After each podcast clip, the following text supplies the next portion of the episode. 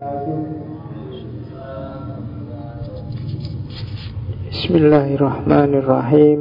Alhamdulillahirabbil alamin Assalatu wassalamu ala sayyidina Muhammadin wa ala alihi wa ashabihi ajma'in. Amma ba'du. Bismillah Kita lanjutkan ngaji filsafat kita. Setelah 35 kali kita ada di barat Mulai malam ini kita coba jelajahi dunia Islam. Dengan filsafat Islamnya. Ya mungkin sekitar nanti kita loncat-loncat aja biar nggak jenuh Setelah Islam berapa sesi kita kembali lagi ke barat yang kita tinggal di era kontemporer. Mungkin Islam kita awali di peripatetik, setelah peripatetik kita berangkat ke barat lagi kontemporer. Setelah itu balik lagi ke Islam. Tradisi iluminasi terus karena barat dan Islam sudah selesai kita baru masuk ke model tematik. Ini kan namanya masih sejarah filsafat. Kita belajar sejarah, ide sejarah, tokoh. Nah, malam ini kita awali dari dunia Islam. Uh, saya tidak tahu seperti apa tanggapan teman-teman tentang filsafat di dunia Islam. Banyak yang dalam tanda petik tidak setuju dengan istilah filsafat Islam karena tidak mungkin Islam kok filsafat. Karena Islam itu agama, sementara agama itu kan menuntut komitmen, kepatuhan mutlak, kepasrahan. Sementara kalau filsafat itu kebebasan, pemikiran kritis dan yang sejenis itu. Maka banyak yang tidak setuju dengan istilah filsafat Islam dengan berbagai konotasinya. Yang keras-keras biasanya tidak setuju karena dianggap filsafat itu merusak Islam dengan karakter kebebasan berpikirnya. Ada juga yang bilang justru Islam yang merusak filsafat dengan tuntutan untuk kepatuhan dan asumsi-asumsi keberagamaannya. Oke, kita lihat. Malam ini judulnya masih prawacana. Kita bereskan dulu isi kepala kita tentang apa itu filsafat Islam. Baru malam minggu depan kita mulai ke sejarah ide atau sejarah tokoh dari filsafat Islam. Bismillah. Ini tidak ada yang nyoblos tadi, tidak mudik ya. Nyoblosnya di sini. Volhut ya. Suara pula? Tidak pengaruh. Suaramu paling berapa? Ya kan tidak enak karena Mungkin Indonesia itu salah sejak awal ketika menyebut pemilu itu pesta demokrasi Karena saya nggak terlalu suka dengan pesta Jadi Terus jadinya banyak yang nggak nyoblos karena pesta itu menunjukkan istilah pesta itu sebenarnya menunjukkan bahwa sebenarnya itu tidak serius. Wong pesta kok. Pesta kayak sini hura-hura, senang-senang, terus menghabiskan uang banyak tapi tidak ada manfaatnya cuma untuk sekedar kan itu nih pesta. Maka di Indonesia disebut pesta demokrasi. Berarti sebenarnya bukan demokrasi yang beneran, cuma pestanya saja. Besok usulah istilahnya jangan pesta demokrasi. Apa ya? Uh, apa ya istilahnya? Perjuang, perjuangan nanti PDIP. Apalagi itu jangan pesta lah. Kalau pesta itu tidak ada kesejatian dari sana. Ya mujahadah lah, mujahadah demokrasi, apa mungkin. Jihad demokrasi ya, pengono. Oke, okay, enggak saya mikir kita mikir filsafat Islam aja. Uh, uh, ya, sebenarnya pertama-tama untuk jawab orang yang tidak setuju apa ada yang namanya filsafat Islam itu Tapi yang jelas bahwa setiap yang namanya manusia itu pasti mikir Itu aja Cara paling gampang untuk jawab Apakah ada filsafat dalam agama Justru kalau nggak ada filsafat Agama nggak ada Karena hakikatnya filsafat adalah Berpikir secara radikal, secara mendalam, secara kritis. Kalau orang tidak bisa mikir, dia tidak akan bisa beragama. Meskipun kamu bilang lu agama itu kan tinggal patuh, Pak, tinggal ikut apa adanya. Lah emangnya ikut dan patuh itu tidak pakai pikiran, po? Pakai. Makanya agama kan sangat termasuk Islam itu kan sangat benci yang namanya taklid. Ketika orang dilarang taklid Itu berarti kamu disuruh mikir gitu. Oke Jadi Agama menawarkan kebenaran. Akal juga menawarkan kebenaran. Ada dialektika. Kalau itu memang kebenaran Katanya para filosof muslim nanti Itu ya mesti ketemu Kamu gak usah khawatir.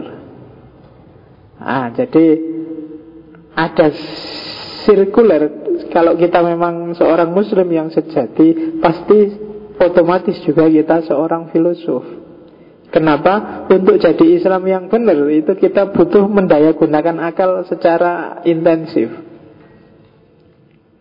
Makanya dalam cerita-cerita itu kan banyak Setan itu lebih takut dengan orang yang alim dibandingkan alim tapi males dibandingkan orang bodoh tapi rajin sholat rajin kan itu ada cerita zaman saya kecil sering diceritain itu kan ada orang bodoh sholat ada orang alim tidur setan lebih takut pada alim yang tidur itu itu sebenarnya cerita-cerita banyak kayak gini kalau teman-teman dulu di kampung kan sering dikasih cerita-cerita seperti ini itu menunjukkan bahwa sebenarnya Islam dan agama itu sangat menghargai intelektualitas, sangat menghargai akal, sangat menghargai rasio. Ya.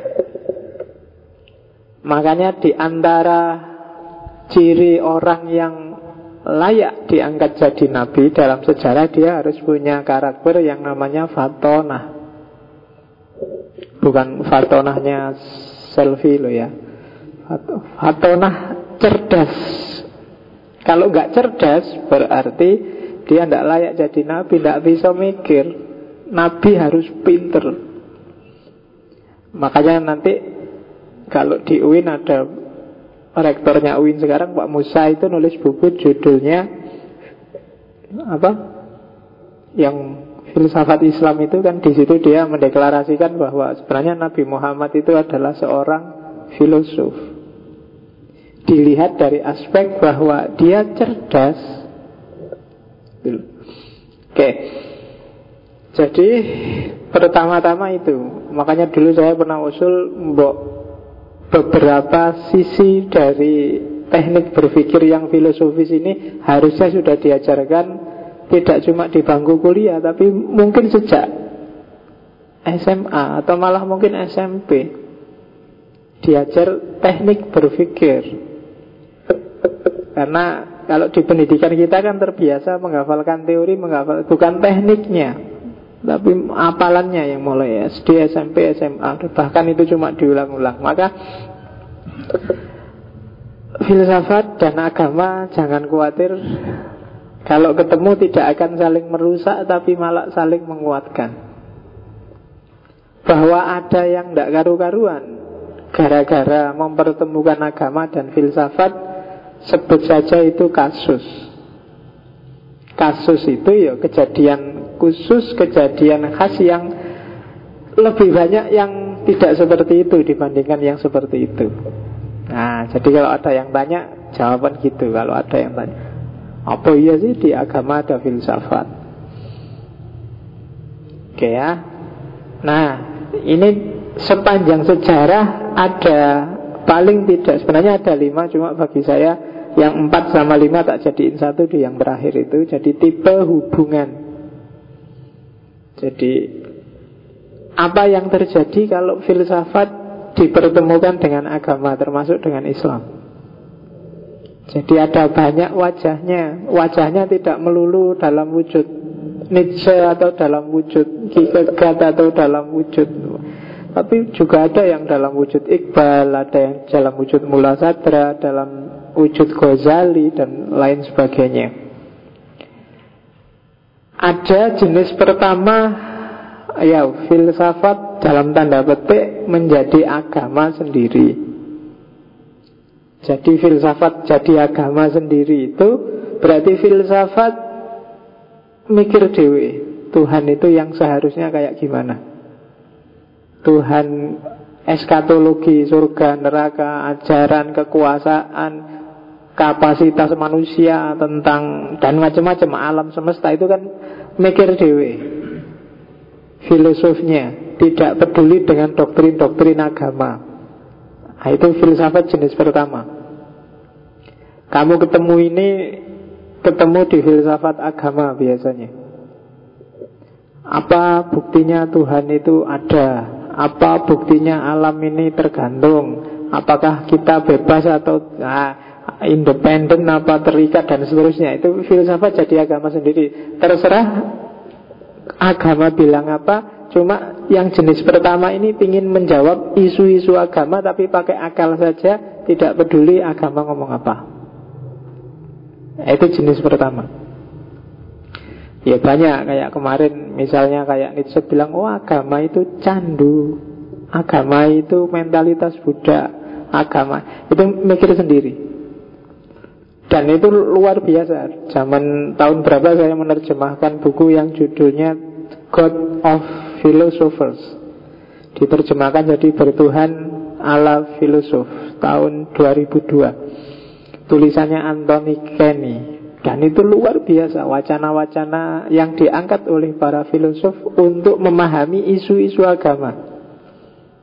Jarang orang berani masuk ke dunia itu Karena agak agak tricky, agak Orang sering bilang jangan belajar filsafat nanti kamu rusak loh.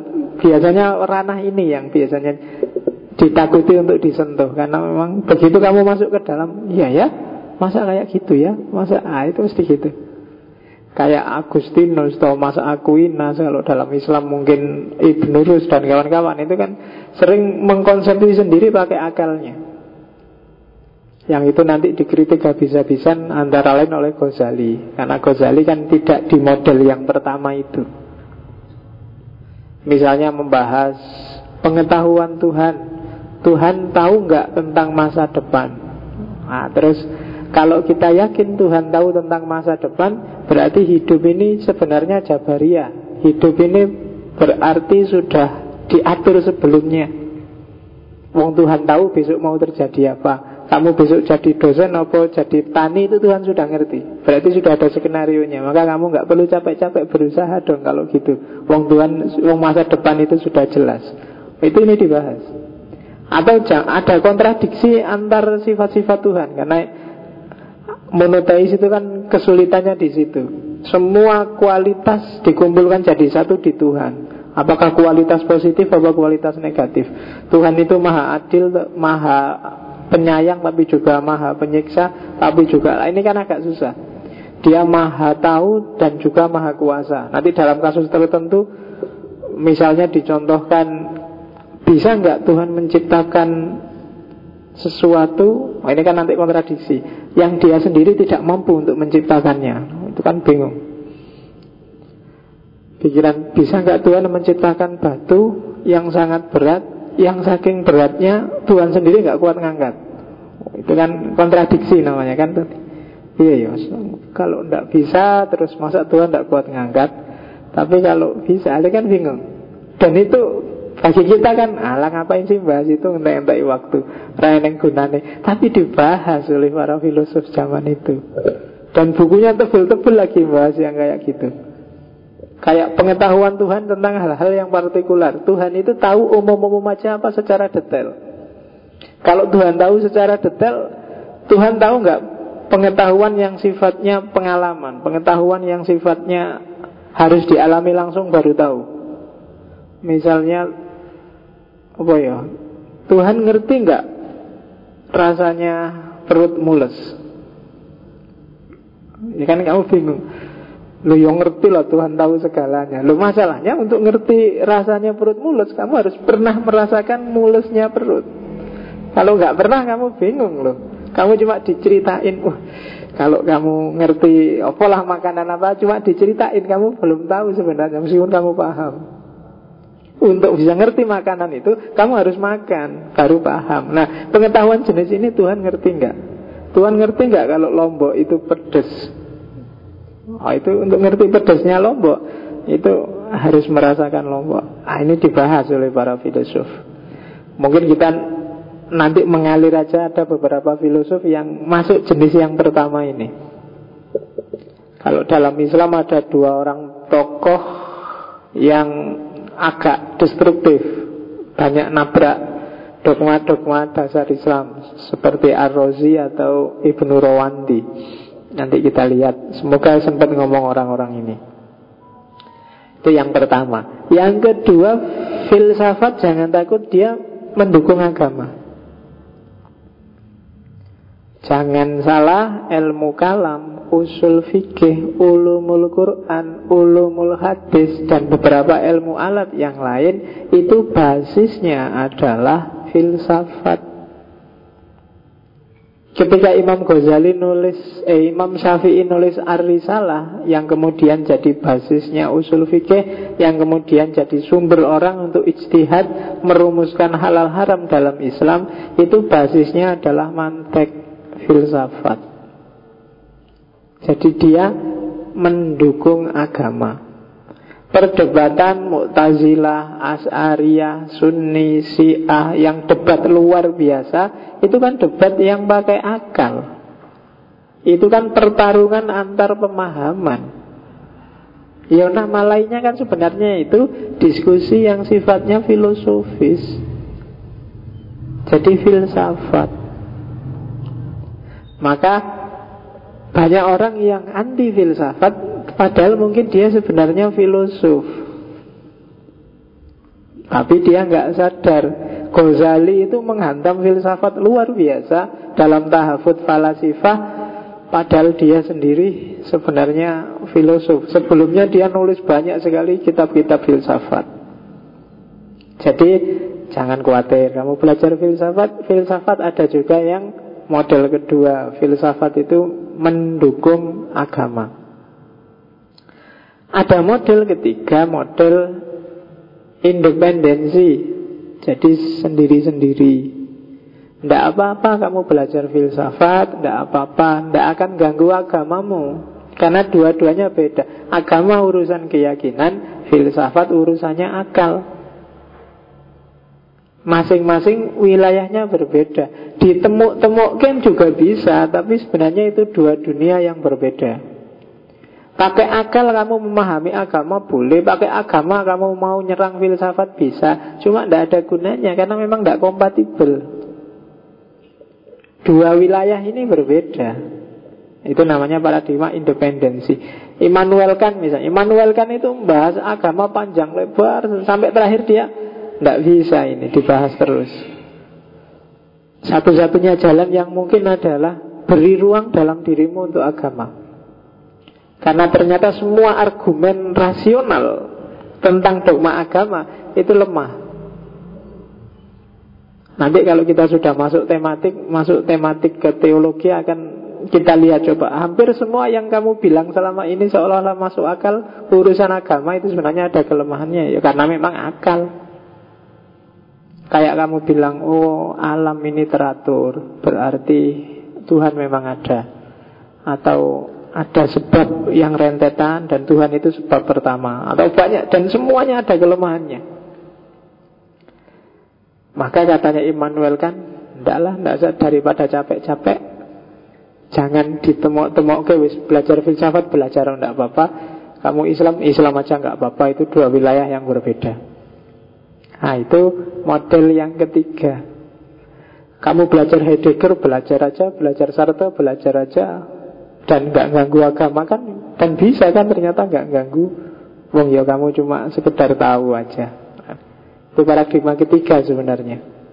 Tidak otomatis belajar filsafat terus agamanya rusak atau tidak otomatis filsafatmu jadi kacau gara-gara keterikatan dengan agama. Dua-duanya dua wilayah yang berbeda. Itu model ketiga. Model yang terakhir filsafat untuk menjelaskan agama. Ini biasanya para peneliti. Para peneliti itu kan dengan senjata filsafat terus menganalisis fenomena-fenomena agama, dogma-dogma agama dari luar gelanggang.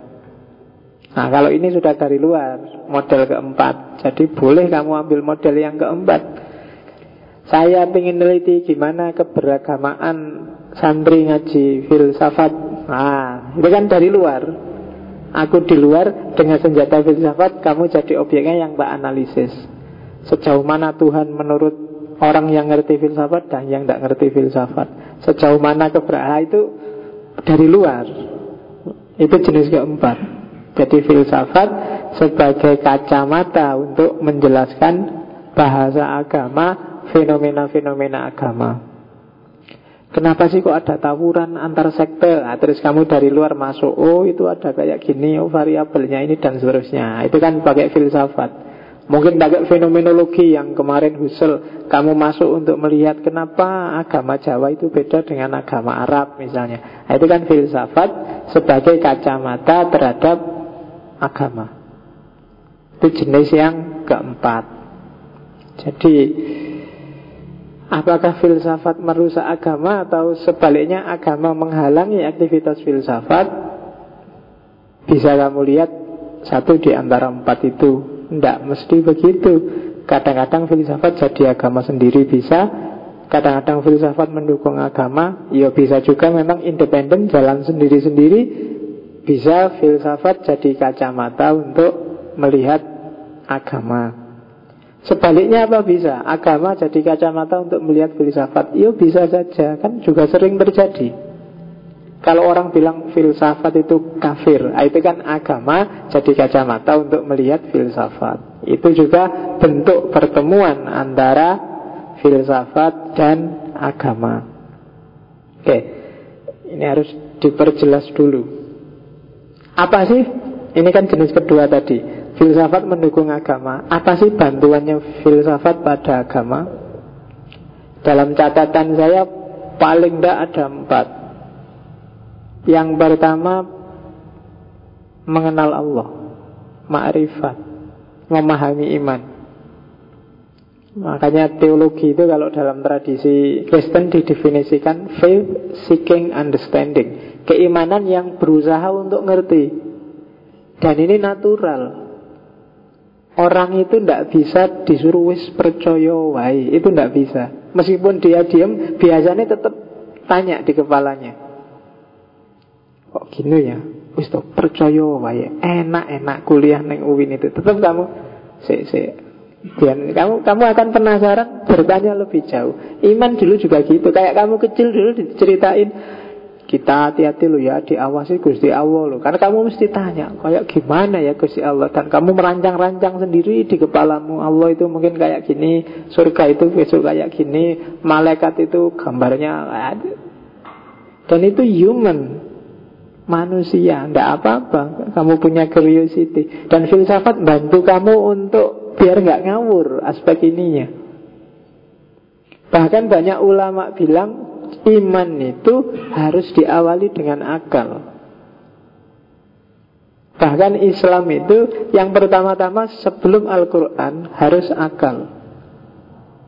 Ada beberapa ulama yang bilang begitu. Kenapa sebelum Al-Quran harus akal? Karena kita percaya Al-Quran.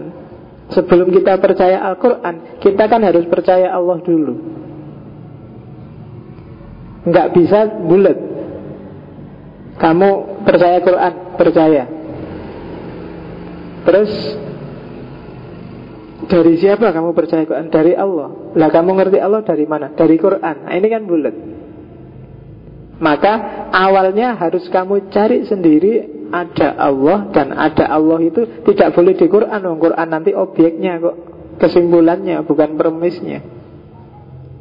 Jadi untuk Islam kita kan dasarnya Quran. Dan Quran itu dari Allah. Maka kita tidak boleh tahu Allah dari Quran juga. Itu namanya tautologi kalau di logika. Maka harus percaya Allah dulu Dan Allah menurunkan Al-Quran terus kamu terima. Nah dasarnya percaya Allah Itu berarti satu-satunya alat yang kita punya tinggal akal. Maka akal itu harus ada di awal. Sebelum kamu menerima Al-Quran Dan semua ajaran Islam yang lain. Nah itu Bantuannya filsafat Yo karena kamu Islamnya Islam turunan Yo nggak pernah mikir sampai sejauh itu Pokoknya wis percaya wae. Jadi orang masuk Islam itu kan percaya pertama-tama dia harus percaya pada Allah dulu kan. Baru Qur'annya yang berasal dari Allah. Maka sebelum yang pertama-tama kan harus ada basisnya, harus ada dasarnya dan dasarnya itu berarti yo akal. Jadi orang yang akalnya tidak jalan saya bilang tadi yo Islamnya tidak akan bagus. Karena tidak karu-karuan mesti rentetan cara berpikirnya. Jadi bantuan yang pertama adalah mengenal Allah. Bantuan filsafat yang kedua adalah menyelamatkan kita dari jebakan apa? Itu tak pikir jebakan pemikiran sendiri, jebakan pemikiran kelompok. Itu kan sering kita dijebak untuk tidak kritis.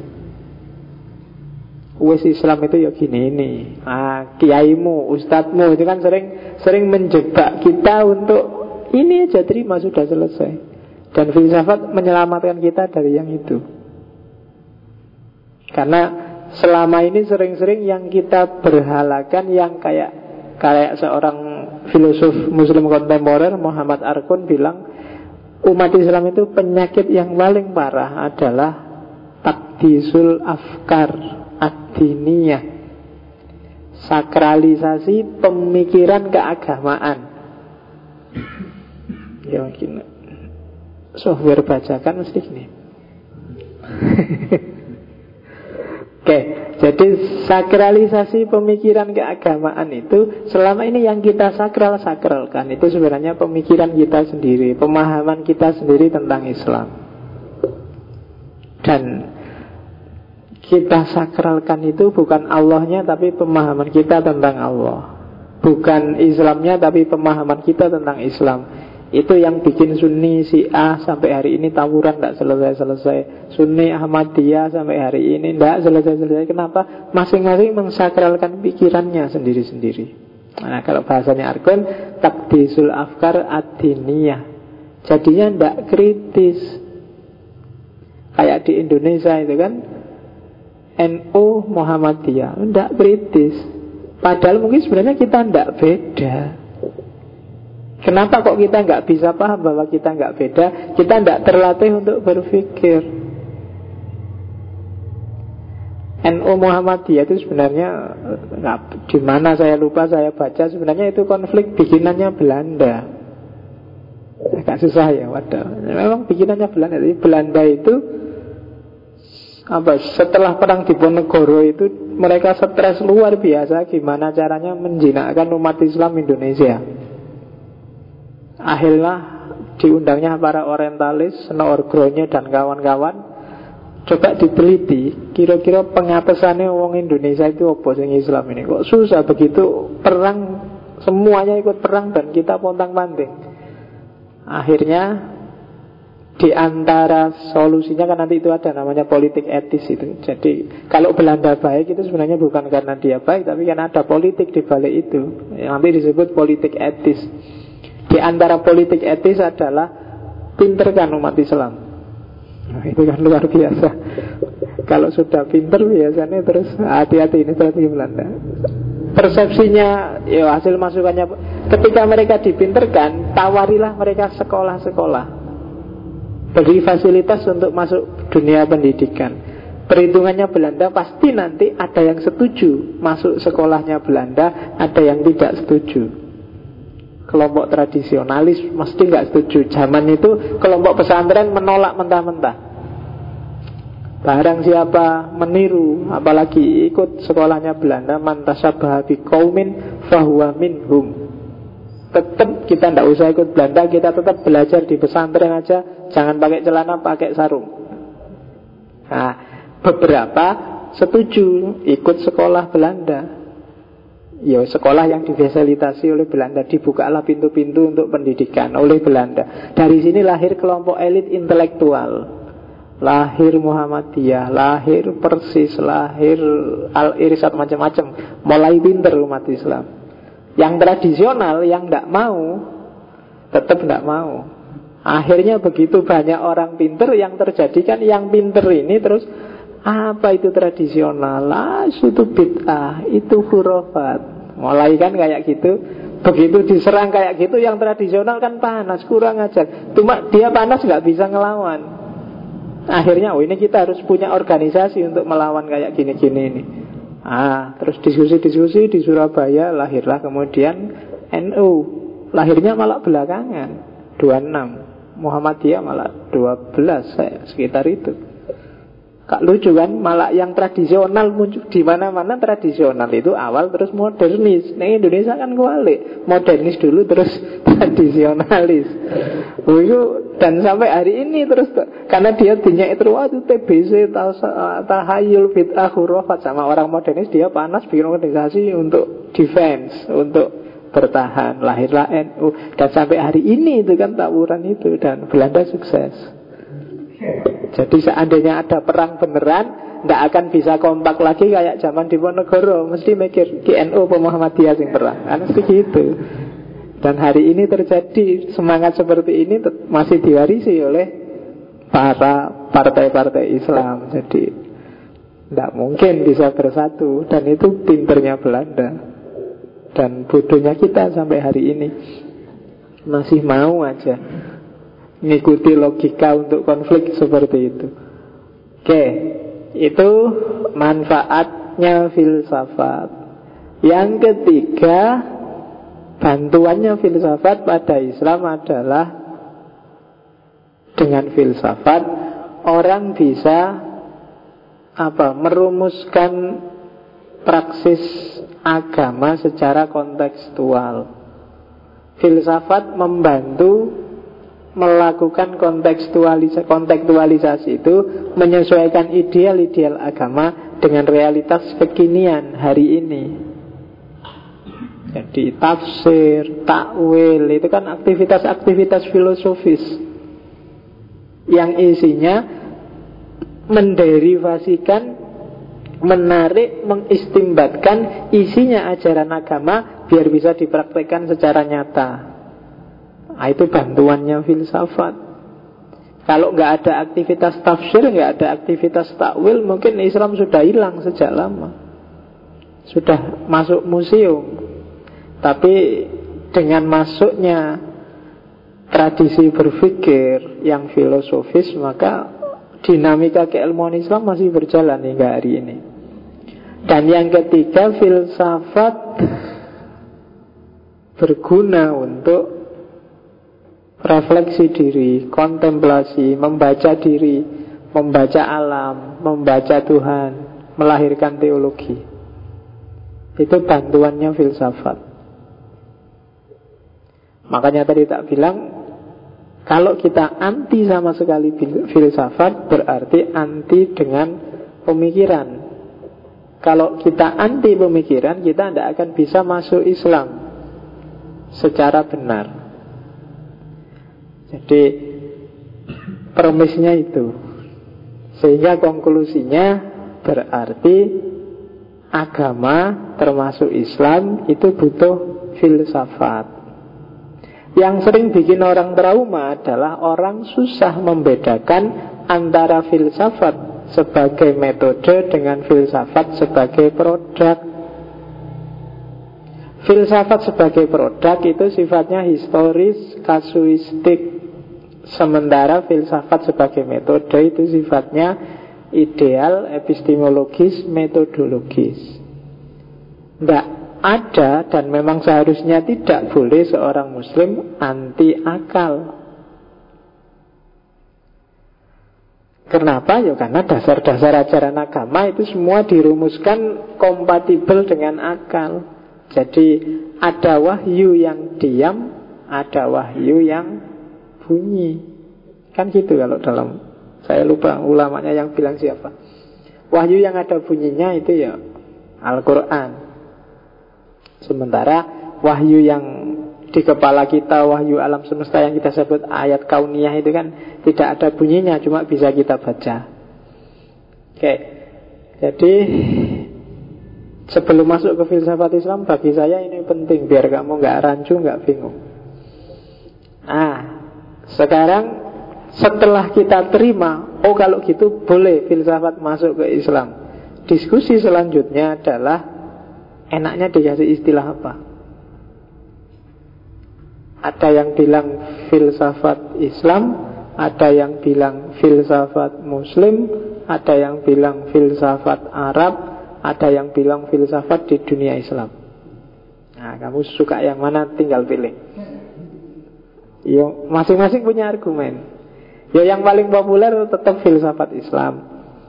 Tapi banyak juga para filosof, para cendekiawan India biasanya lebih suka menyebut Muslim filosofi. Kalau kamu cari website di internet yang isinya agak banyak bisa di-download tentang filsafat Islam itu judulnya ya Muslim filosofi. Para orientalis lebih suka menyebut filsafat Arab. Dan Beberapa tokoh kontemporer lebih suka menyebut filsafat di dunia Islam. Istilah filsafat Islam paling banyak dipakai, cuma orang sering mengkritik apa filsafat Islam itu benar-benar filsafat. Nah itu dipertanyakan. Maka karena seperti tak bilang tadi, nggak mungkin Islam kok filsafat dan nggak mungkin filsafat kok Islam.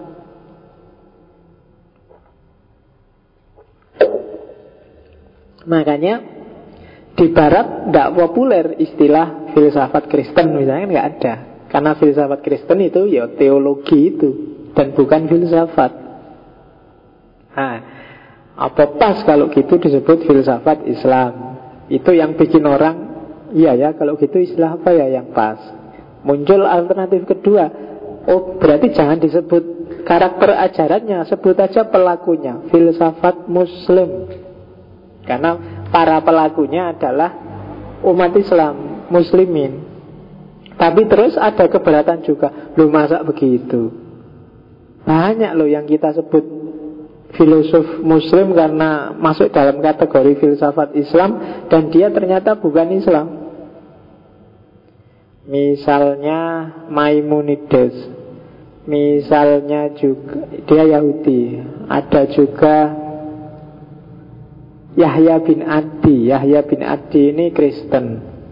Tapi ya dia masuk dalam kajian filsafat Islam Karena hidup di era dinasti Islam saat itu. Ada bahkan yang ateis Seperti tak sebut tadi Ibnu Rawandi Kemudian Ibnu Abu Isa Al-Warraq Kemudian Abu Zakaria Ar-Razi Ini agak ateis Agak, agak anti-Islam tapi pikiran-pikirannya juga masuk dalam buku filsafat Islam. Ar-Razi itu kalau kamu lihat di buku-buku filsafat Islam hampir selalu dicantumkan namanya. Padahal kalau kamu baca pikiran-pikirannya Ar-Razi wah, luar biasa, agak menyerang Islam. Maka terus apa iya filsafat muslim? Terus ada ide ketiga, kalau gitu filsafat Arab Ah wis nggak bisa dianu ini kan kabeh wong Arab, Islam nggak Islam kan tapi Arab. Tapi terus ada kritik. Loh kok Arab? Wong Islam itu menyebar ke mana-mana, tidak cuma di Arab. Berarti nanti kalau ada Afrika, kalau ada Indonesia yang pinter filsafat, nggak bisa masuk dong. Bingung lagi. Udah lagi ini aja, filsafat di dunia Islam. Enak sudah kan? Lalu dunia Islam itu mana? Kalau dulu gampang Khilafah selesai. Dinasti Abbasiyah selesai. Sekarang dunia Islam itu mana? Amerika itu muslimnya juga banyak. Ya kan? Bahkan di Israel itu loh ada muslim. Dunia Islam itu bagian mana? Nah terus, nah terus gimana? Empat-empatnya ada kelemahannya. Akhirnya wis karepmu arep gawe istilah apa? Yang paling populer filsafat Islam. Meskipun ada juga yang yang masih konsisten dengan filsafat muslim juga ada Yang pakai istilah filsafat Arab juga ada. Jadi problem ontologis dari sisi penamaan Tidak masalah, nggak apa-apa orang menyebut apa. Yang penting entitas yang disebut jelas Maksudnya itu. Sekarang kita lihat Kalau tadi nama bidangnya. Sekarang disiplinnya ada tiga nama, ada tiga istilah di dunia Islam untuk menyebut filsafat. Yang pertama falsafah, yang kedua hikmah, dan yang ketiga ulum al-awail. Itu yang dari Al-Kindi. Kalau falsafah Iyalah, falsafah ini sebenarnya tidak perlu tak jelasin, ini cuma mentransfer dari bahasa Yunani filosofia, cinta kebijaksanaan. Apa? Orangnya biasanya disebut filosof. Ini sebenarnya serapan, serapan dari bahasa Yunani. Kalau katanya Ikhwanus Sofa, filsafat itu adalah mahabbatul ulum. Jadi al-falsafah awaluha mahabbatul ulum wa akhiruha al qaul wal amal bima yuwafiqul ilm. Jadi falsafah itu diawali dari cinta pada ilmu-ilmu, pada pengetahuan dan diakhiri dengan kata-kata serta perbuatan yang sesuai dengan ilmu itu. Itulah falsafah. Jadi kalau cuma duduk dan ngaji seperti ini belajar filsafat, jangan ngaku filosof dulu. Filosof itu perilaku dan perbuatannya harus sesuai dengan ilmunya, baru dia boleh mengklaim diri sebagai filosof. Itu katanya Iwanus Sofa. Sofa itu apa kelompok agak misterius sekelompok filosof, sekelompok ilmuwan di era Abbasiyah sekitar abad 9-10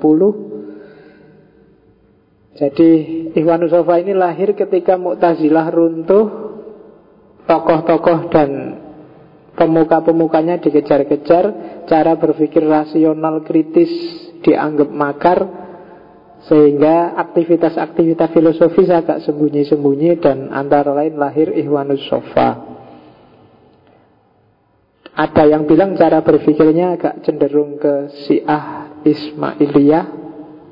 Tapi yang jelas orang-orangnya agak unik.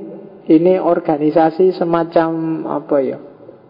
Organisasi bawah tanah tapi jelas pikiran-pikirannya banyak ditulis, kebanyakan nulis semacam ensiklopedi.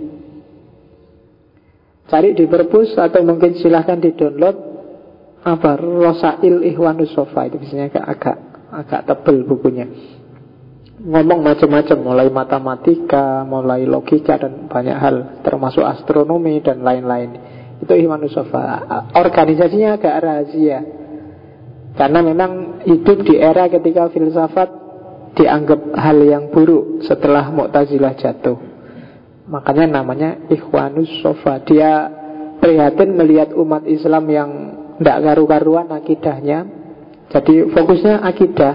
Cuma uniknya bagi Ikhwanus Sofa, solusi dari hancurnya akidahnya umat Islam itu filsafat.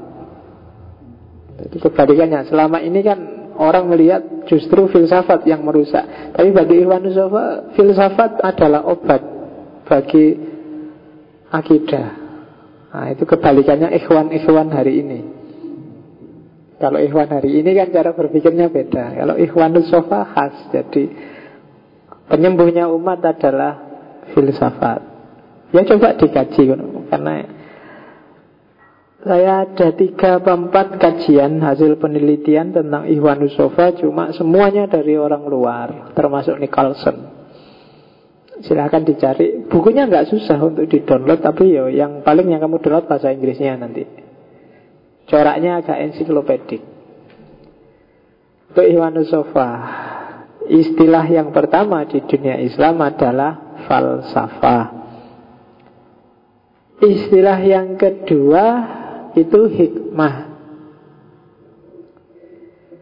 Kenapa disebut hikmah? Karena ada kemiripan karakter dari kata filsafat dalam bahasa Yunani dengan hikmah dalam bahasa Arab. Kemiripan yang dimaksud. Di Quran banyak istilah hikmah. Bahkan Allah itu sering disebut di Quran Azizun Hakim. Itu kan hubungannya dengan hikmah pasti. Atau saya lupa ya, hadis apa ya? Yang wa may yu'tal hikmata faqad utiya khairon katsira. Jadi apa Quran ya? Quran. Hikmah dari Tuhanmu barang siapa dikasih hikmah maka dia dikasih kebaikan yang luar biasa, kebaikan yang banyak. Disebut juga di ketika Di Al-Baqarah saya lupa ayat-ayat 150-an lah kamu cek. Ketika Nabi Ibrahim mau meninggalkan Nabi Ismail sendirian di Mekah terus dia berdoa Rabbana wa asfihim rasulan dan seterusnya yang yatlu alaihim ayatuka wa yu'allimuhumul kitaba wal hikmah wa yuzakihim jadi Nabi Ibrahim minta meskipun nanti tak tinggal utuslah Rasul di kalangan mereka dari kalangan mereka sendiri biar belajar tentang kitab dan belajar tentang hikmah. Jadi kalau kamu tanya apa dalil ngaji filsafat, sebut ayat itu tadi. Ini doanya Nabi Ibrahim Nyuruh kita yo ngaji Quran Tapi juga ngaji hikmah Yatlu alaihim Yatlu alaihimul kitab Wal hikmah Terus pada puncaknya adalah wayuzakihim Untuk menyucikan jiwa mereka. Jadi malam ini kita sebenarnya ada di situ. Oke Dan kalau bagi Al-Kindi filsafat sama hikmah itu sama. Minggu depan kita ketemu Al-Kindi Filosof pertama Luar biasa orang ini karena dia yang memperkenalkan Yunani Dia punya keahlian macam-macam itu Al-Kindi Mungkin kita satu demi satu kita kupas nanti para filosof Islam. Kalau Ibnu Zina Apa tadi yang penting dari Ibnu Zina? Hikmah adalah Kesempurnaan jiwa Orang yang bisa memahami sesuatu dan bisa mengungkapkan sesuatu garis bawah sebatas kemampuannya sebagai manusia.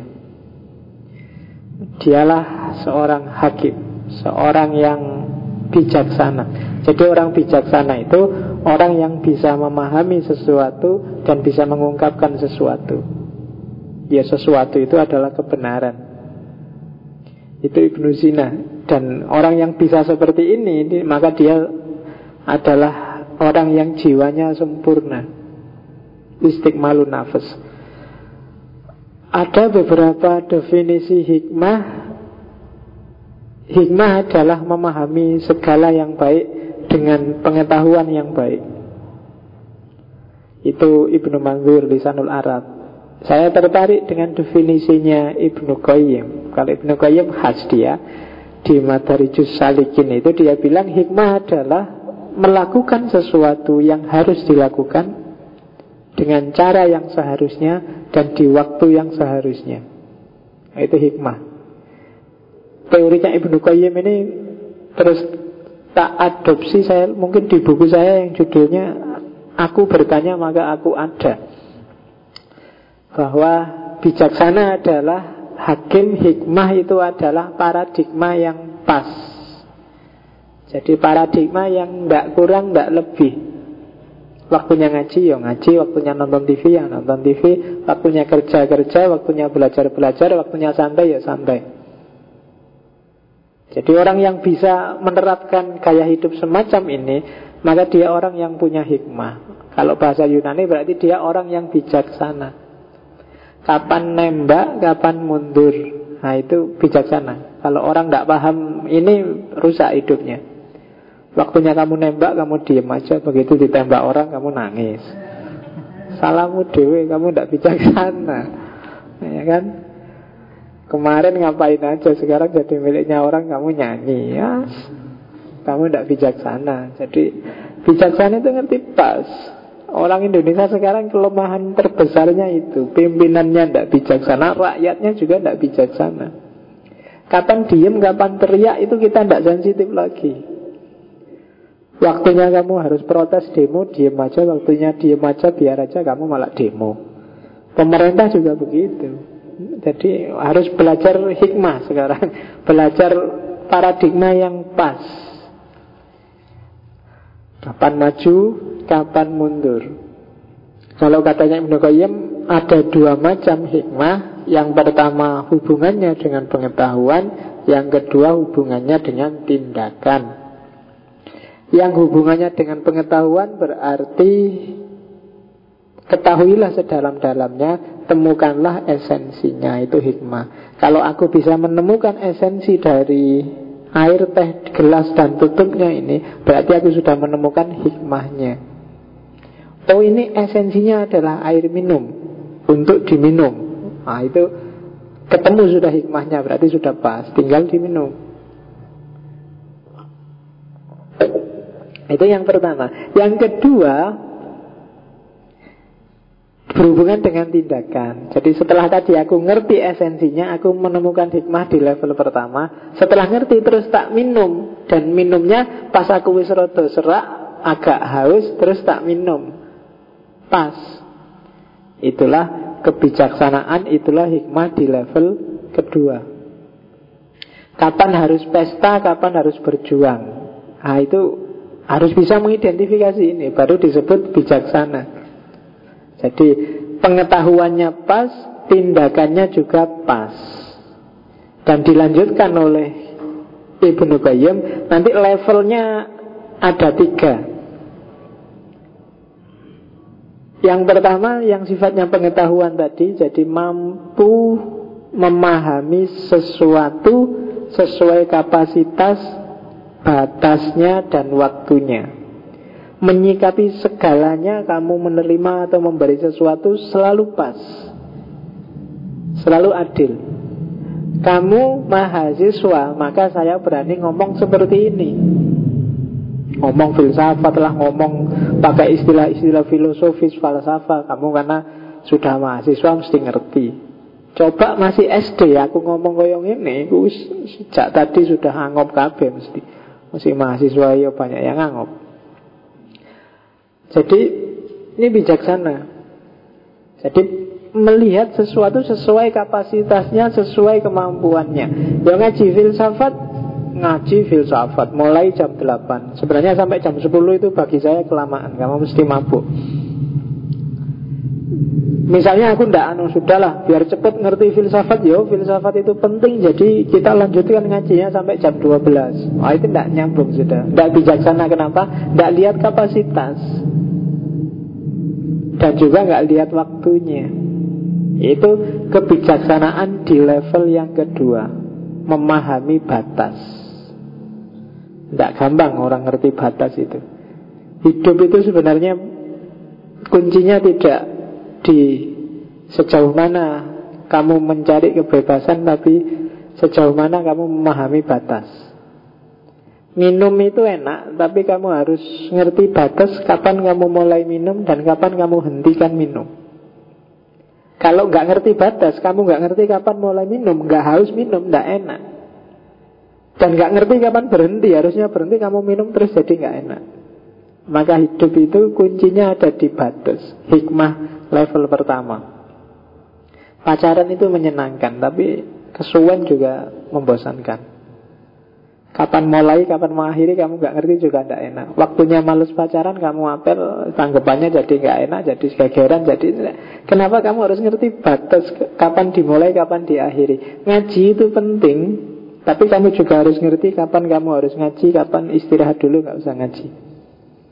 Mungkin ada momen-momen tertentu Kalau aku ngaji malah tidak karu-karuan. Nah itu itu batas, kamu yang ngerti dirimu sendiri. Tidur itu menyegarkan Tapi kalau kamu nggak ngerti awal dan akhirnya Kapan dimulai, kapan diakhiri Tidur itu merusak dirimu malah.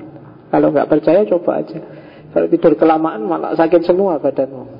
Padahal harusnya tidur itu menyegarkan. Nah, itu kebijaksanaan level pertama. Belajar itu bagus, tapi kalau kamu nggak ngerti kapan harus belajar dan kapan mengakhiri belajar itu juga rusak mesti. Nah, itu itu kebijaksanaan level yang pertama. Ada kebijaksanaan level yang kedua kalau tadi ilmu tentang batas, kebijaksanaan level yang kedua adalah ilmu tentang apa itu? Kalau pakai nama lain saya sebut ilmu tentang ikhlas. Jadi kesediaanmu menerima apa yang memang harus diterima. Itu bijaksana. Makanya ada doa. Saya doa ini sebenarnya yang merumuskan seorang filosof pendeta namanya Reynold Niebuhr yang banyak dikutip orang yang isinya adalah Ya Allah berikan aku kekuatan untuk merubah apa yang memang harus kuubah Berikan aku kesabaran untuk menerima apa yang harus aku terima Dan yang terakhir Berikan aku kebijaksanaan untuk bisa membedakan keduanya. Oh, itu tidak gampang itu. Banyak yang harus kamu ubah tapi kamu diem aja cuek. Banyak yang harusnya kamu terima apa adanya tapi kamu mati-matian ingin ngubah. Oh itu tidak gampang. Dan untuk ngerti membedakan mana di antara satu di antara dua itu kita butuh kebijaksanaan. Ya kayak kamu di Facebook biasanya bikin yang lucu-lucu itu Ya Allah kalau dia memang jodohku dekatkanlah Kalau dia bukan jodohku Yuk dipaksalah bikin itu biar jodoh dekat. Semoga kamu ubah takdirmu mesti itu Nah itu berarti kamu tidak ngerti batasnya ngerti. Jadi yang kedua adalah penerimaan. Jadi kalau orang bilang mbok dicari hikmahnya Itu kalau di level pertama berarti carilah batasnya. Kalau kamu mau sedih Kapan batas akhir dari sedihmu? Kalau kamu mau gembira Kapan kamu akhiri kegembiraanmu Dan melanjutkan perjuangan? Level. Kalau level yang kedua Berarti carilah hikmahnya. Itu maksudnya ya terimalah Memang itu takdirnya. Terimalah memang itu sudah kehendaknya Allah. Baik yang berhubungan dengan dirimu maupun dengan realitas sekelilingmu Jadi ya meskipun selama ini kalau orang bilang Ya kita ambil saja hikmahnya Itu seolah-olah ada sesuatu di luar itu ya. Tidak maksudnya hikmah itu kalau di Ibnu Qayyim ini ya Satu di antara tiga itu Kalau tidak pahamilah batasnya Atau terimalah apa adanya Atau yang ketiga level yang agak tinggi, yang tertinggi malah dalam hikmah adalah tangkaplah apa? Menggapai pengetahuan tertinggi lewat intuisi. Jadi tangkaplah apa yang tidak kelihatan di balik itu. Nah, ini orang sering pakai yang tiga ini. Jadi ya realitasnya sih kamu sampai umur sekian nggak pernah dapat pacar. Kalau level pertama, ketahuilah batasmu. Ketahuilah batas itu berarti carilah hikmahnya bahwa oh, ya wajarlah aku tidak punya pacar memang aku itu kalau ngaca ya kayak gini uang juga tidak punya juga. Ah itu kamu ngerti batas berarti paham batas. Di level kedua ikhlas harus diikhlaskan aja. Kenyataannya memang begitu. Dan di level ketiga tangkaplah yang tidak kelihatan. Mungkin aku tidak dapat pacar sampai hari ini itu karena mungkin Allah menghendaki aku belajar serius biar cepat lulus. Ah itu itu menangkap yang tidak kelihatan. Makanya orang bilang mau dicari hikmahnya aja itu menuju ke sana sebenarnya. Nah, dan itu tidak gampang loh Jangan salah Tiga ini seolah simpel Ya tak kasih contoh yang simpel Tapi dalam hidup sehari-hari berat Kamu butuh latihan terus menerus Butuh bekal yang agak dalam itu hikmah Makanya orang butuh filsafat Filsafat itu tidak sekedar cinta rasionalitas, cinta kebenaran, tapi cinta kebijaksanaan.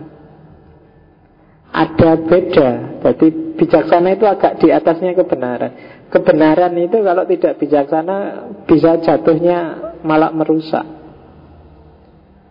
Ya macam-macam. Kamu bisa ngerti sendiri lah. Banyak hal-hal yang sebenarnya benar. Cuma begitu kamu tidak bijaksana Mengelolanya Dia bisa merusak. Minum itu benar Tapi kayak tadi nggak ngerti batas Kapan diawali, kapan diakhiri Jadi tidak bijaksana. Ngomong memang ucapkan kebenaran Kulil hakko walau karena murron Tapi itu level ontologis. Tapi begitu masuk level etika Tidak selalu hak itu Yang pahit itu harus kamu ucapkan. Kalau ada temenmu dapat E nilainya ya jangan terus wancane kamu itu bodoh, males nggak berarti. Itu kebenaran memang. D memang bodoh, males. Buktinya dapat E tapi ya jangan diomongkan gitu. Itu namanya tidak bijaksana. Ya, jadi kalau ada temenmu misalnya gendut besar terus bilang, eh gendut gendut terus, Mbok jangan panggil aku gitu. Lo kan ini kebenaran, fakta bahwa kamu itu iyalah cuma ya jangan segitunya itu namanya tidak bijaksana. Itu hikmah. Jadi kebenaran itu levelnya bahkan di bawah etika di atas etika ada kebijaksanaan. Oke jadi itu istilah kedua yang dipakai. Istilah ketiga ya al umulum al awail ya ilmu-ilmu orang zaman dulu. Jadi filsafat itu di dunia Islam tidak selalu referensinya ke Yunani nanti kita lihat. Meskipun banyak jasanya Yunani, tapi India, Persia, Romawi itu turut bermain. Makanya beberapa filosof Islam menyebutnya al-ulum al-awail karena dia menyerap dari berbagai peradaban. Dan Yunani pun bukan kok terus tiba-tiba ujuk-ujuk berpikir sendiri ada Yunani Tapi Yunani pun dia menyerap dari berbagai peradaban sebelumnya. Maka disebut Al-Ulum Al-Awail. Nah sekarang kita lihat. Istilah-istilah sudah. Sekarang kita lihat seperti apa sih statusnya filsafat Islam itu dalam dunia akademik Persepsi yang pertama para orientalis biasanya melihat bahwa filsafat Islam itu adalah kelanjutannya filsafat Yunani kuno. Ini seolah-olah biasa tapi sebenarnya pelecehan. Iya, kamu nggak sadar kalau bilang itu Bila, jadi nadanya sebenarnya nada pelecehan karena orang Islam itu tidak bisa berfilsafat. Filsafat itu tidak original dari Islam, tidak otentik dari Islam. Kalau tidak pinjam dari peradaban lain, dia tidak bisa melahirkan tradisi berpikir yang filosofis. Cuma selama ini kan kamu bahkan kadang-kadang bangga, wah yang mewarisi Yunani itu Islam. Padahal kalau para orientalis konotasinya agak melecehkan. Jadi bahkan Bertrand Russell pun yang belakangan bilang Islam itu tidak mungkin punya budaya intelektual kritis. Dia cuma mengadopsi Yunani diterjemahkan gitu aja. Tidak original pikiran-pikirannya. Jadi melanjutkan filsafat Yunani kuno. Itu persepsi pertama. Ya memang di antara kelemahan kita umat Islam sering begini, sering sering tidak peka jadi di apa ya? Dilecehkan tapi kadang-kadang kamu malah merasa bangga. Gitu loh. Banyak kasusnya, banyak contoh kasus Tinggal mulai sekarang kamu latih benar intelektualitasmu Hikmahnya agak dilevelkan yang ketiga Bacalah yang tidak terbaca Itu kamu sering sekali dilecehkan Kadang-kadang kamu ikut meleceh-lecehkan Meskipun nggak sadar Misalnya contoh paling simpel. Ya orang salah, orang keliru, orang jahat itu banyak. Tapi kalau ada ustadz salah Kalau ada ustadz keliru Itu TV berlomba-lomba memuat. Dan kamu ikut-ikutan komentari yang jelek-jelek. Satu demi satu akhirnya ustadz-ustadz kita jatuh. Mulai Ustadz Solmed Masuk Ustadz mati satu demi satu orang Islam itu saya tidak tahu apa benar apa ada rekayasa atau apa Tapi yang jelas lo kamu kok malah ikut-ikutan maki-maki? Wong yo bukan urusan belo atau tidak bela Tapi masalahnya nggak jelas. Kalau sudah masuk TV itu siapa salah siapa benar juga agak, agak kabur. Kalau nggak mau ya buat diem aja. Tapi tak lihat di berita-berita internet itu Mesti komentarnya banyak dan ikut-ikutan maki-maki. Ya itu sebenarnya menampar kita kan. Cuma ya kamu enjoy aja, seneng-seneng aja Biasalah. Ustadz-ustadz itu memang gitu. Itu sebenarnya kan menjatuhkan dirimu sendiri. Sama dengan bilang Ya kayak gitu itu orang Islam itu. Ustadznya aja kayak gitu apalagi. Kan mesti gitu nama lainnya. Cuma kamu gak sadar. Dan orang barat seneng yang gini-gini kan Di blow up. TV tiap hari juga masuk. Oke. Okay. so, Kan banyak itu kasus Jainuddin AA Kim kemarin nikah lagi Terus apa lagi? Ustadz Solomet UGB kan satu demi satu Ustadz kita berguguran di TV dan kita dengan gembira ria mendukung pengguguran itu. Yo saya tidak tahu mungkin ada skenario apa lah. Yo orang jahat itu banyak yang kayak oh, dukun-dukun di majalah kamu belilah majalah Liberty misalnya yang kayak UGB bahkan lebih kurang ajar itu banyak. Ada ki sopo bisa menyembuhkan Ada pelet apa ada. Banyak coba aja kamu lihat di koran. Tidak ada yang mungkin-mungkin itu. Cuma ya mungkin karena tidak komoditas. Nah ini yang agak melecehkan yang pertama. Jadi filsafat Islam itu hanya melanjutkan tradisi Yunani kuno. Terus ada juga yang bilang bahwa filsafat Islam itu hanya reaksi dari dialektika dengan budaya dan peradaban lain. Misalnya pendapatnya Maimonides. Sebenarnya banyak juga orientalis yang bilang bahwa Islam itu hanya melanjutkan Persia hanya melanjutkan Yunani, hanya melanjut termasuk ajaran-ajaran dasarnya. Tidak ada satupun yang original dari Islam. Haji yang melanjutkan pagan Arab. Sholat seperti yang kamu lakukan itu coba bandingkan dengan ritualnya Yahudi mirip.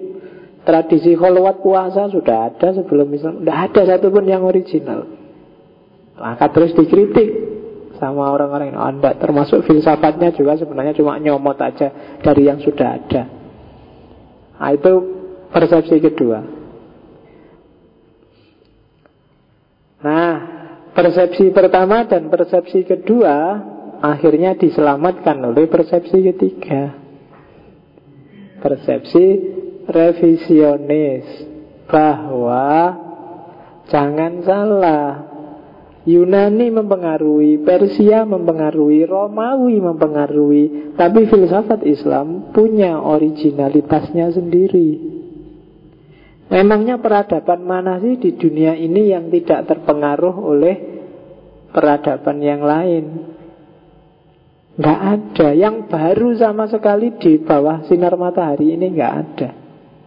Pasti saling pengaruh mempengaruhi. Cuma Islam kan membawa originalitasnya sendiri. Misalnya, Allah itu sebelum Islam datang, kata-kata Allah ini sudah ada. Pagan Arab itu ya pakai istilah Allah. Cuma Islam pakai istilah Allah, mereka punya makna sendiri yang original. Allahnya orang pagan Arab itu kan Allah yang high God Allah high God itu Allah jadi Tuhan tertinggi Terus di bawahnya ada Tuhan-Tuhan asisten Tuhan-Tuhan kecil Lata, Uza, Manat, Hubal Itu kan disembah karena dia jadi jalan untuk menuju Allah yang paling tinggi. Nah Islam datang tetap dengan ide Allah Tapi idenya original bahwa tidak ada Tuhan kecil Tuhan satu-satunya. Allah Itulah Tauhid. Sama nanti Aristoteles diterjemah, ditransfer, diadopsi oleh para filosof muslim Tapi diolah versi Islam Mereka punya makna, punya originalitas sendiri Dari mantek bisa jadi ulumul Quran, bisa jadi ulumul hadis, bisa jadi usul fiqh Itu kan luar biasa. Nah itu pendapatnya kelompok yang ketiga. Kelompok revisionis Seperti tak bilang tadi loh Diskursus intelektual dalam Islam juga luar biasa Coba dibaca Mu'tazila Coba dibaca Syiah, Sunni Itu kan pikiran-pikirannya Merupakan dunia intelek Dunia akal yang luar biasa Nah itu kelompok revisionis Ya tokoh-tokohnya M.M. Sharif Oliver Liman Atau Al-Paslan Asigeng Dari Turki jadi filsafat Islam adalah nama yang generik, original, yang lahir dari keseluruhan pemikiran yang berkembang dalam bukan dunia Islam tapi peradaban Islam. Baik itu Arab atau non-Arab, Muslim atau non-Muslim, di Timur Tengah atau tidak, bahasa Arab atau Persia atau Melayu, sejak zaman dulu sampai zaman sekarang. Itulah filsafat Islam. Jadi kalau tadi kamu bingung definisinya, ya tetap pakai filsafat Islam, cuma dengan definisi itu. Filsafat Islam adalah nama generik dari keseluruhan pemikiran yang lahir dan berkembang dalam lingkup peradaban Islam di mana pun itu berada. Nanti kita lihat apa yang membedakan filsafat Islam dengan filsafat yang lain, di mana letak generiknya. Itu yang ketiga. Oke, itu tadi Kesimpulannya ada di sini. Oke ya, ini beberapa fakta seperti tak bilang tidak semua filosof Muslim itu Islam. Kemudian biasanya khusus untuk filsafat disebut bahwa dimulai sekitar abad kedua Hijriah atau awal abad 9 dan filsafat Islam di abad kedua, abad sembilan inilah yang nanti sekitar tiga abad setelah itu memicu lahirnya Renaisan di Barat. Ini yang sering disebut orang bahwa Barat juga ya nanti terpengaruh oleh Islam. Biasa peradaban itu saling mempengaruhi. Indonesia dipengaruhi Amerika, ya wajar wong. Amerika sekarang kan rajanya peradaban masa kini. Mungkin kamu nggak sadar, mungkin kamu anti, tapi pasti ada pengaruh itu. Dan di ensiklopedia Britannica Barat yang mengadopsi Islam habis-habisan itu disebut one of the largest technology transfer in world history. Jadi jasanya para filosof muslim dan para ilmuwan muslim melahirkan renaisan di barat. Era awal ini diawali di Al-Kindi, diakhiri di Ibn Rus. Era awal ya Yang orang terus menyebutnya Filsafat peripatetik Peripatetik Arabic School Aliran peripatetik Kalau bahasa Arabnya Biasanya disebut filsafat masyaiyah Ya, terjemahannya mas, masya itu artinya jalan. Sebenarnya peripatetik itu kan untuk menyebut filsafatnya Plato Aristoteles. Kenapa disebut jalan atau jalan-jalan? Karena Plato itu yang punya akademia Kalau ngajar mahasiswanya nggak pernah di dalam ruangan seperti ini. Ngajarnya di taman outdoor. Terus dia ngajarnya nggak sambil duduk di depan kayak gini Sambil jalan-jalan di antara mahasiswanya. Maka disebut filsafat jalan-jalan.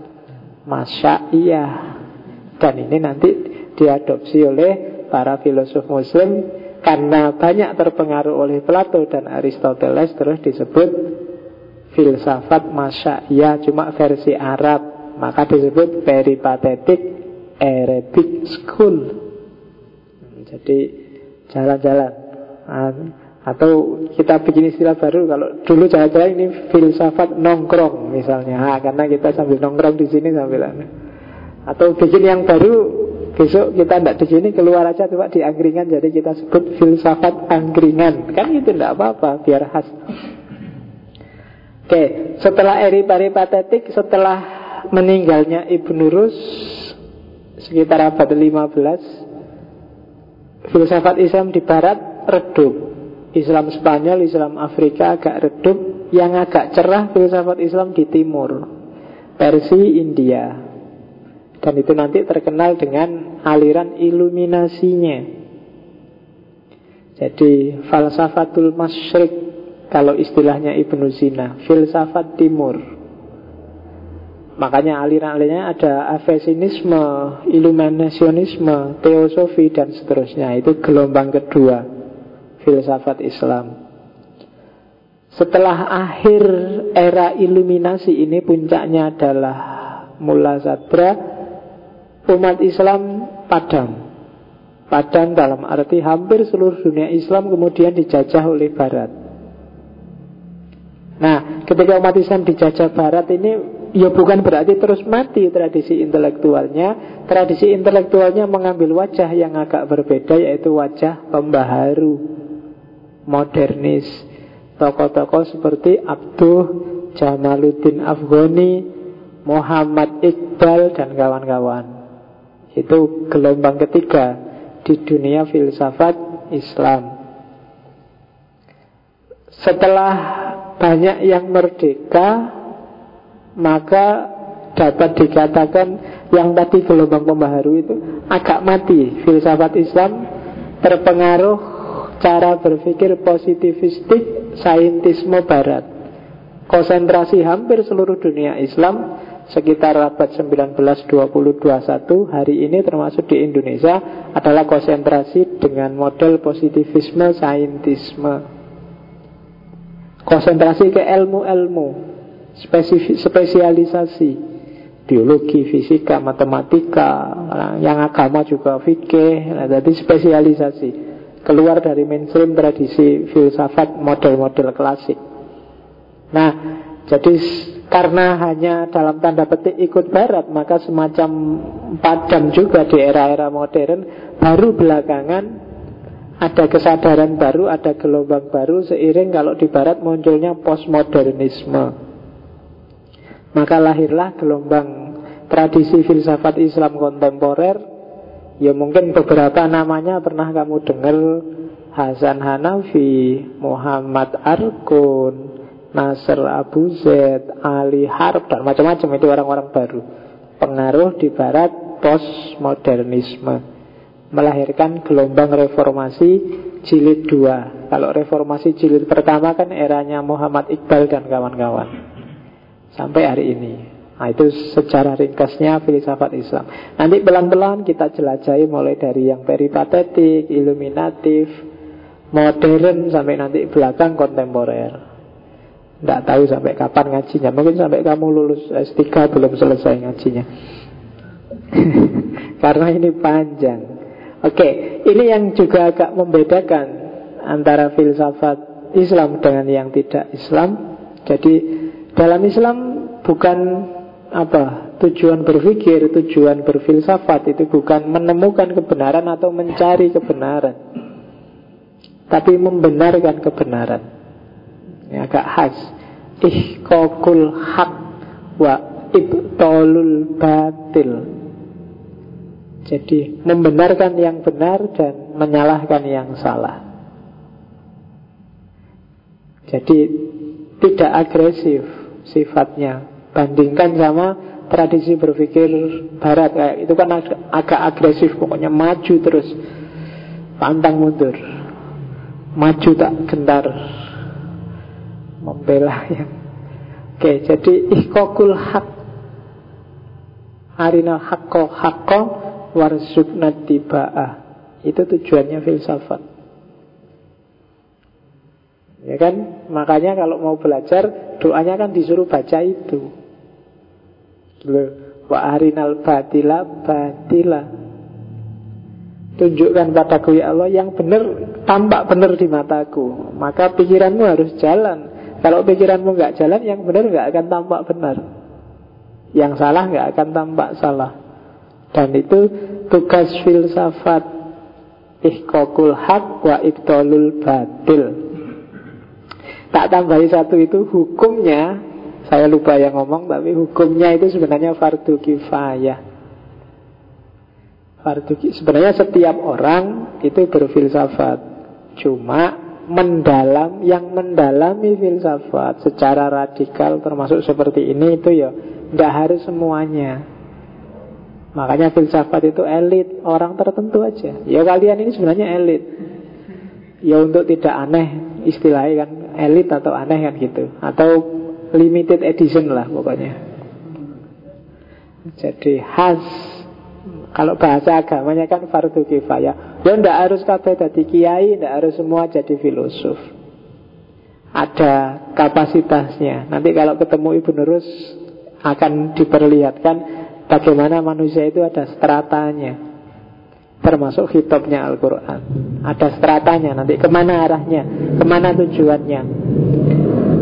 Kalau dalam Al-Quran Pencarian filosofis Itu biasanya analoginya yang paling jelas adalah Nabi Ibrahim Pertama ketika Nabi Ibrahim mencari Tuhan Dengan akalnya Lihat bintang, lihat bulan, lihat matahari dan yang terakhir ketika Nabi Ibrahim ngetes Allah.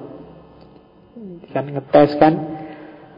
Jadi ketika nggak percaya ini orang tinggal tulang masa bisa hidup lagi? Kan itu ngetes. Terus Gusti Allah agak mangkel lu apa kamu nggak percaya? Ya percaya sih percaya tapi kan buktinya mana? Kan gitu.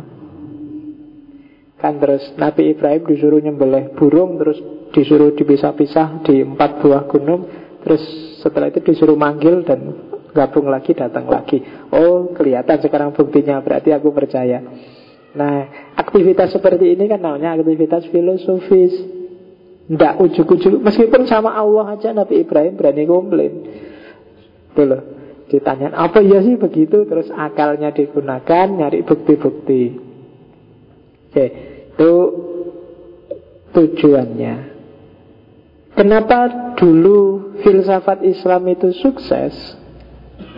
Yang pertama ini sebenarnya tak kasih kata-kata dulu sukses sebenarnya ini prasyaratnya.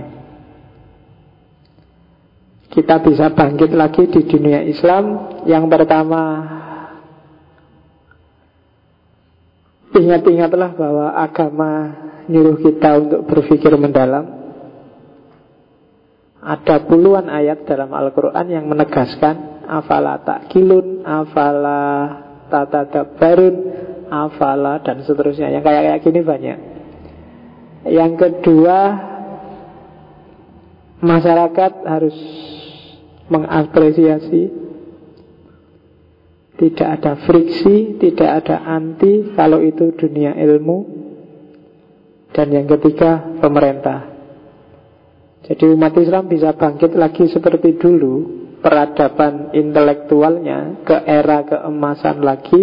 Yang pertama kalau ada kesadaran Scientific Kesadaran rasional Kesadaran filosofis. Yang ketiga Kalau lingkungan masyarakatnya mendukung peradaban ilmiah Kalau enggak, enggak akan jalan tetap.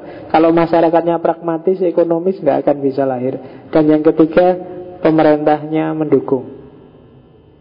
Prasyaratnya dan dulu terpenuhi semua Khususnya zaman Abbasiyah Al-Ma'mun. Masyarakatnya mendukung Rajanya, sultannya jadi fasilitator Dan pintu dunia ilmiah dibuka lebar-lebar. Ini hasil inventarisir, ya, nanti kamu baca sendiri ya. Gimana kerja kerasnya para ulama, para filosof muslim zaman dulu. Tak identifikasi ada sekitar berapa itu? Sepuluhan, lebih dua belas. Kadang men memburu manuskrip, menerjemahkan, membuat syarah. Kalau di Islam itu, kitab itu tidak cukup orang bikin buku. Setelah orang nulis buku Terus dikasih sarah Di atas sarah masih ada lagi. Apa? Hasiah Jadi tafsir terhadap tafsir. Di atas hasiah masih ada lagi. Taklik. Oh, Dahsyat itu kan. Hari ini kan kamu nggak punya tradisi seperti itu Kalau zaman dulu nggak cukup satu kitab. Matan, sarah, hasiah, taklik Sudah. Matannya segini sarahnya bisa segini terus ya kan? Dimulai yang paling dasar itu. Oke. Menulis karya yang original menyalin buku jangan salah zaman itu belum ada mesin cetak maka buku ditulis tangan. Bayangkan capeknya. Mesin cetak itu kan belakangan. Dengan kondisi seperti itu Ghazali bisa nulis ratusan buku. Itu kalau tangannya nggak capek belajarnya kapan? Apanya kapan? Makannya kapan? Jalan-jalannya kapan? Nyantainya kapan? Susah itu kan. Istrinya sama anaknya apa nggak diopeni dan itu tapi bisa ternyata orang dulu. Kamu yang disuruh belajar dikit aja Wah sibuk pak, nggak ada waktunya pak Orang zaman dulu itu Dahsyat luar biasa Karyanya tebel-tebel Dan bisa. Mungkin karena kita terlalu manja ya Disuruh apa Wah tugas terus pak dosen ini. Kita kan ya dari dosen yang lain Banyak tugasnya Iyalah. Sing waras ngalah. Oke. Okay. Kemudian Rihlah Jangan salah. Mereka itu kalau ada ini kok meragukan ya. Tidak sekan-sekan melakukan rihla ilmiah hanya demi satu hadis bisa perjalanan berbulan-bulan untuk ngecek validitasnya. Holwat holwat itu ya menyepi sebentar untuk pendalaman keilmuan diskusi itu pasti karena zaman itu kan para ilmuwan biasanya dikumpulkan di istana. Dan lain sebagainya. Tak sebut ini untuk bikin kita sadar bahwa pantas sampai hari ini kita susah bangkit lagi. Kenapa? Budaya ini hilang semua dari tradisi kita. Jadi kalau kamu punya cerita Islam merebut kembali peradaban ya hidupkan lagi itu. Atmosfer akademik semacam ini sudah hilang di dunia Islam Meskipun fasilitas semakin gampang Kitab dulu nyarinya susah payah Sekarang kamu tinggal ngopi sak CD Bisa dapat ribuan kitab. Maktabah Samila. Kamu ya Kamu capek-capek ngopi ya pernah diwoco mesti. Nyarinya aja rebutan-rebutan Begitu dapat nah, Dilihat aja enggak. Gitu aja kalau fontnya rusak. Wah ini fontnya nggak kebaca rusak. Kamu potong-panting ke servisan Padahal ketika sudah beres juga nggak dibaca. Buat apa? Iyalah Oke terakhir kita lihat ya Kekhasan filsafat Islam. Ada beda antara era klasik sama era kontemporer. Kalau klasik berhadapan karena Islam berhadapan dengan teks juga nggak boleh kan Islam itu bertabrakan dengan Quran dan hadis. Ketemu filsafat Yunani juga tapi jangan lupa juga ketemu dengan realitas-realitas kontekstual yang lain budaya-budaya yang lain. Jadi Islam berhadapan dengan tiga hal itu. Nah untuk dunia filsafat dari teks biasanya diambil tiga hal. Istilah-istilah teknisnya. Tentang Tuhan, surga, neraka. Itu kan istilah-istilah teknis. Yang kedua inspirasi tentang kenapa. Jadi inspirasi itu kan bukan pemikiran, tapi gara-gara dari teks itu terinspirasi untuk berpikir apa. Itu inspirasi dan yang ketiga konfirmasi. Konfirmasi ini terakhir. Kalau filosofnya sudah menemukan teori terus di cross check ke Quran ke hadis, no kan benar kan? Tidak bertentangan itu konfirmasi. Sementara dari Yunani, ini karena era klasik, yang terjadi penerjemahan besar-besaran. Dari penerjemahan itu diserap dua hal, cara berpikir filosofis dan isu-isu filosofis dari Yunani. Terus sementara yang dari realitas kontekstual ketemu asimilasi akulturasi dari Persia, dari Roma, dari itu dan mix dari tiga hal itu Penerjemahan dari Yunani Inspirasi dari Quran Dan asimilasi dari budaya lain Lahirlah filsafat Islam. Klasik. Jadi kalau ada yang tanya di mana originalitasnya? Peradaban filsafat yang lain Pasti tidak seperti ini. Polanya. Khususnya ada nuansa teksnya.